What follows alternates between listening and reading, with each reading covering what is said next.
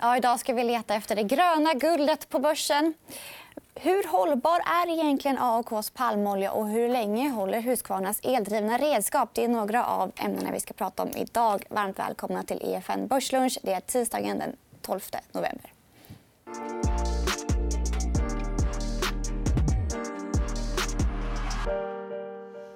Ja, och så ska vi snacka lite bolagsstyrning också. Det blir ESG med fokus på både E1 och G1. Det här ser vi fram emot. Eh, vi noterar att Stockholmsbörsen balanserar kring nollan. Surnade lite efter morgonens handel, tidiga handel.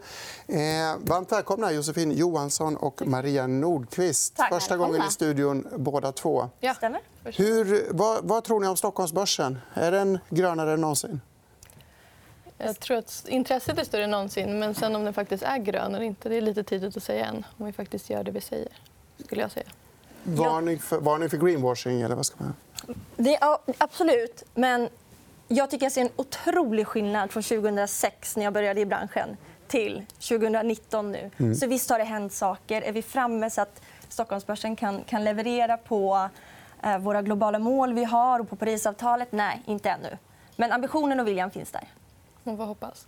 Man får hoppas, men, men fortfarande måste vi få bevis. Eller vad ska man säga? precis. Ja. Jag hoppas lite på att vi har några rapporter idag också. Ja, men det har kommit jätte... några väldigt intressanta rapporter. Vi kan titta på en liten bild här. Paradox är särskilt spännande. handlas upp trots en ganska mjuk rapport. Vi får veta mer om den i För då kommer faktiskt Ebba Ljungerud, vd i Paradox, hit till Börslunch. Vi noterar också vi tog med tyska Continental i listan. Vi noterar att finanschefen Wolfgang Schäfer inte ser någon förbättring på bilmarknaden på hela fem år. Josefin, tecken i tiden, peak bil, eller vad ska man säga? Ja, peakbil det beror på vilken typ av bil. Jag skulle Ja. säga inte peak elbil i alla fall. Alla har ju däck, så Continental kanske Ja, kan hoppas nej, precis. Att elbilarna växer lite snabbare. Jag ska säga en sak till. eh, och det är att Min kollega Aram Mustafa har gjort en väldigt spännande intervju med Dan Lindström om den stundande jättenoteringen av Saudi Aramco. Den ligger ute här på E efn.se. Vad säger ni? Tecknar ni Aramco-aktier? Nej, Nej. jag har inte landat på Här, Kanske ingen institution i Sverige som... Nej, det blir svårt att försvara varför man gjorde det. Även om kanske avkastningen är bra idag så är det svårt att se det på sikt. Eh, Och jag tror också med tiden att det här kanske blir den sista olje-IPO som vi ser i och med att de flesta oljebolag nu pratar om att ställa om eh, från olja till andra typer av... Även om man kanske inte helt enkelt har gjort det än. Hur går det där? då? Man gör det lite med vänsterhanden än så länge. Eller, man ska inte säga att alla bolag gör det. Men många är det fortfarande liksom något som man inte fokuserar på utan man gör på sidan om. De förstår ju att det måste kommuniceras ut att man håller på med en omställning. Och, och Många gör det på ett, på ett seriöst sätt. Men tittar vi på andelen av, av omsättningen som det faktiskt står för så är det en otroligt liten del fortfarande idag. Medan andelen av årsredovisningen som, som rapporterar på det här är en betydligt större del. Vad är det man vill måste- ställa om ifrån då? Från olja till... bränslen. Till till förnybara, förnybar energi Och det eller fossilfri energi. Vissa investerar ju också i kärnkraft. Den är ju inte förnybar, men fossilfri.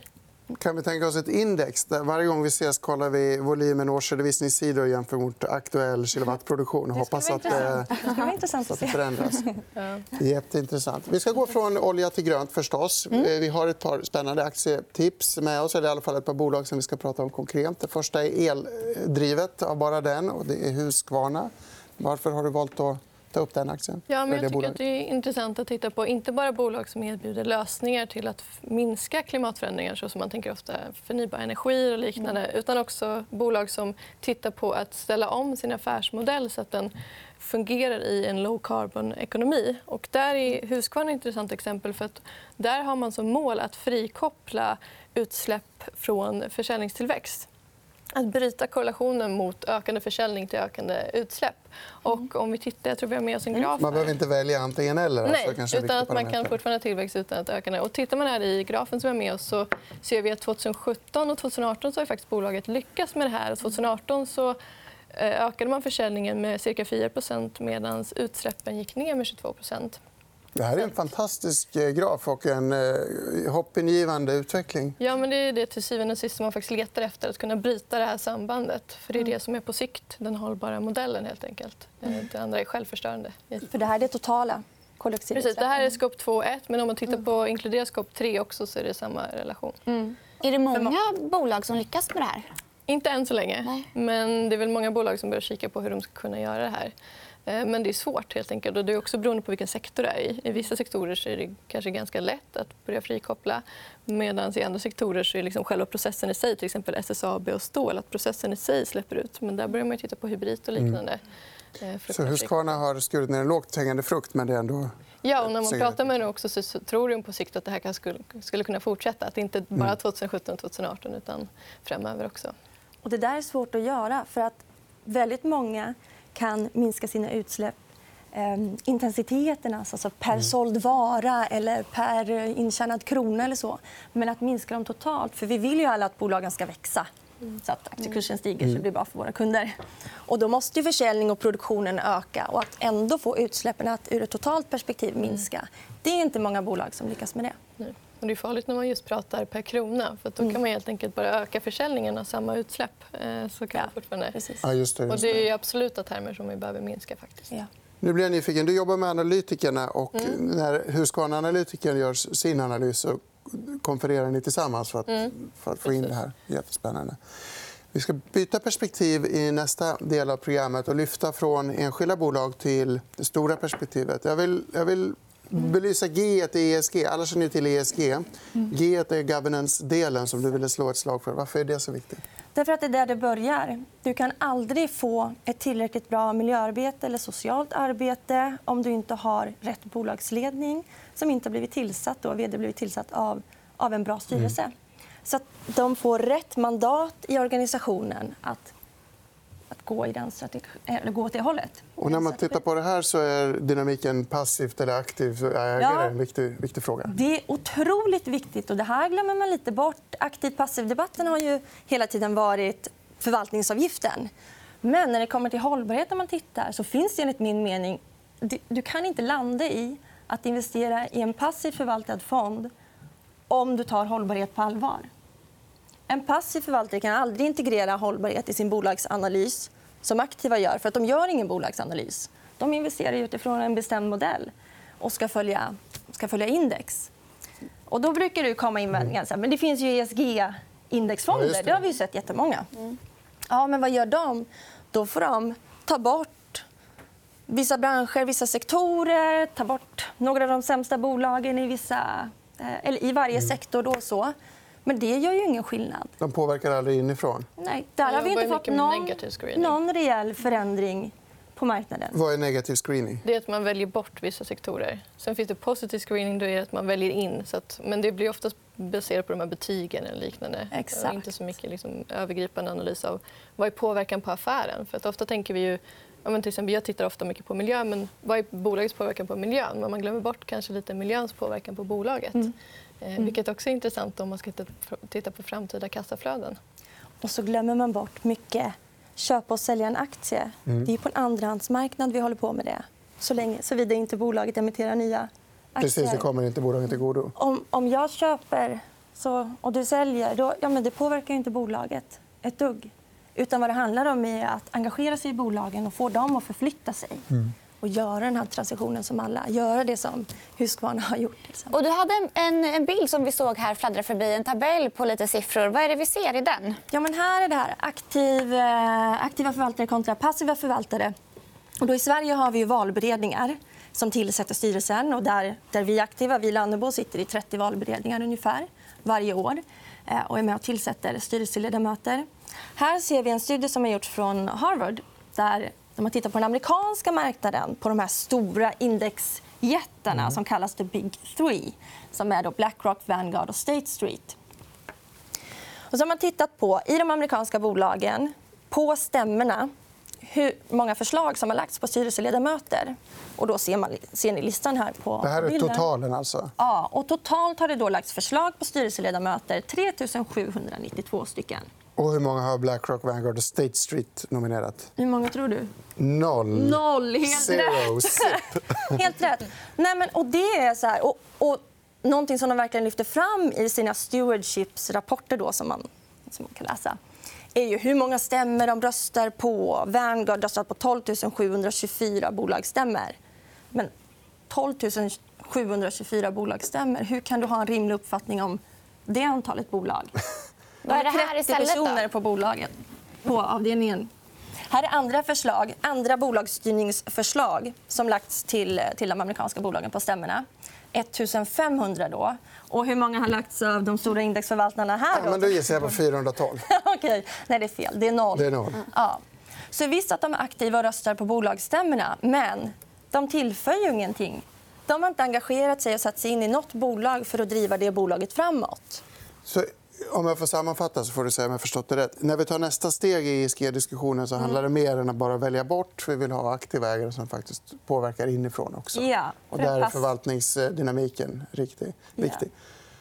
Går det så långt att man kan titta på ett bolag i sin bolagsanalys och titta på hur ägarbilden, om ägarbilden är aktiv och engagerad, att det skulle kunna vara ett plus? Ja, det tittar man ju på. Vi tittar också mycket på om det är ett tecken om om ägarna har någon kompetens i de här frågorna också. Pratar man om de här frågorna? För Det är liksom de som driver att bolaget, vad de ska göra framöver.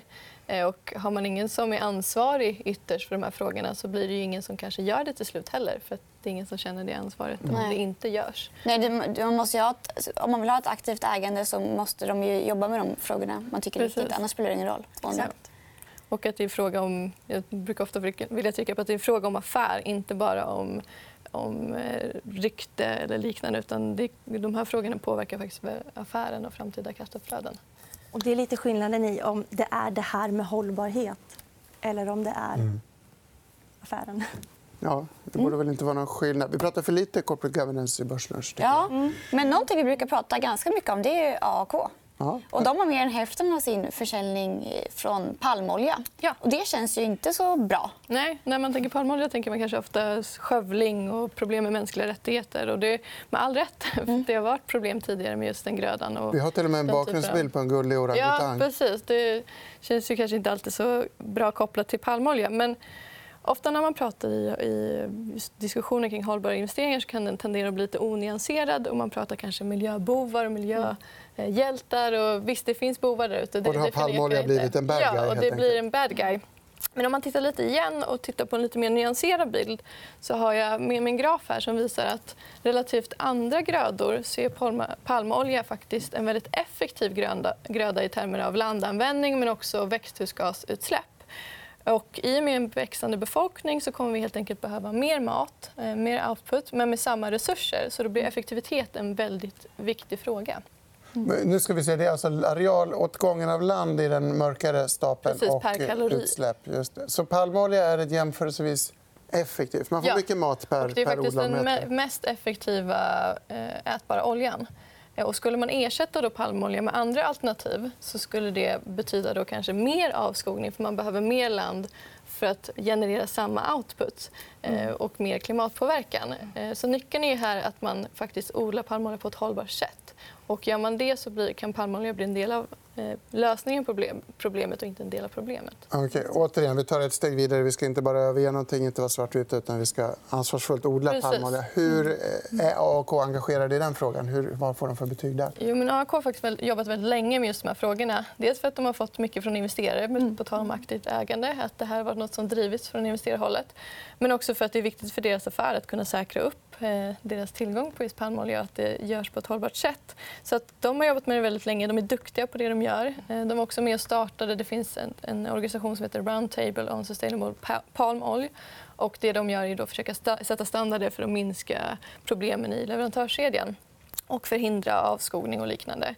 Eh, Och där är faktiskt AAK är väldigt duktiga på det här. Sen, de har inte löst problemen helt. Det är ett eh, komplext arbete och ett pågående arbete också. Men jag skulle säga att de skårar bra där ändå. Vad säger du, Maria? Följer du palmoljediskussioner också? Ja, jo, till viss del. Och, och AAK är ju en väldigt bra aktör. Och tittar vi tillbaka på bilden här, bara för att belysa att den högsta stapeln där har du nöt, beef och sheep. Nöt och det. är historiskt den största boven till skövling av regnskog.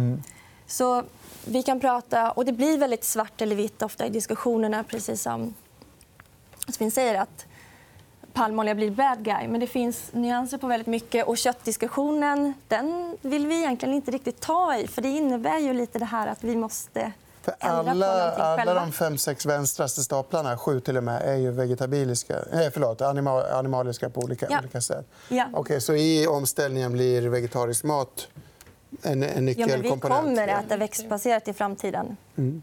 Det är bara en fråga om när. Då är palmolja en del av svaret och vi hoppas att den Ja, går att odla så länge på ett orangutangvänligt sätt. Enkelt. Jag blev glad att socker var så bra. Ja. Det gillar jag. Men det, är mycket, det är mycket kalorier. Ja, det är perfekt. Ja, det Den blev... kanske inte kan ersätta allting. Jag hoppas vi att alla tittare får en kaloririk rik och näringsfull lunch efter detta. Tack så mycket. EFN Börslunch är slut för idag. Imorgon Matilda, har vi ett fullspäckat schema. Vegard Sörenet och Ville Gruberg kommer. Och så kommer som sagt Ebba Ljungerud, vd för Paradox. 11.45 imorgon. Häng med oss då. Det blir kul. Tack så mycket. Tack.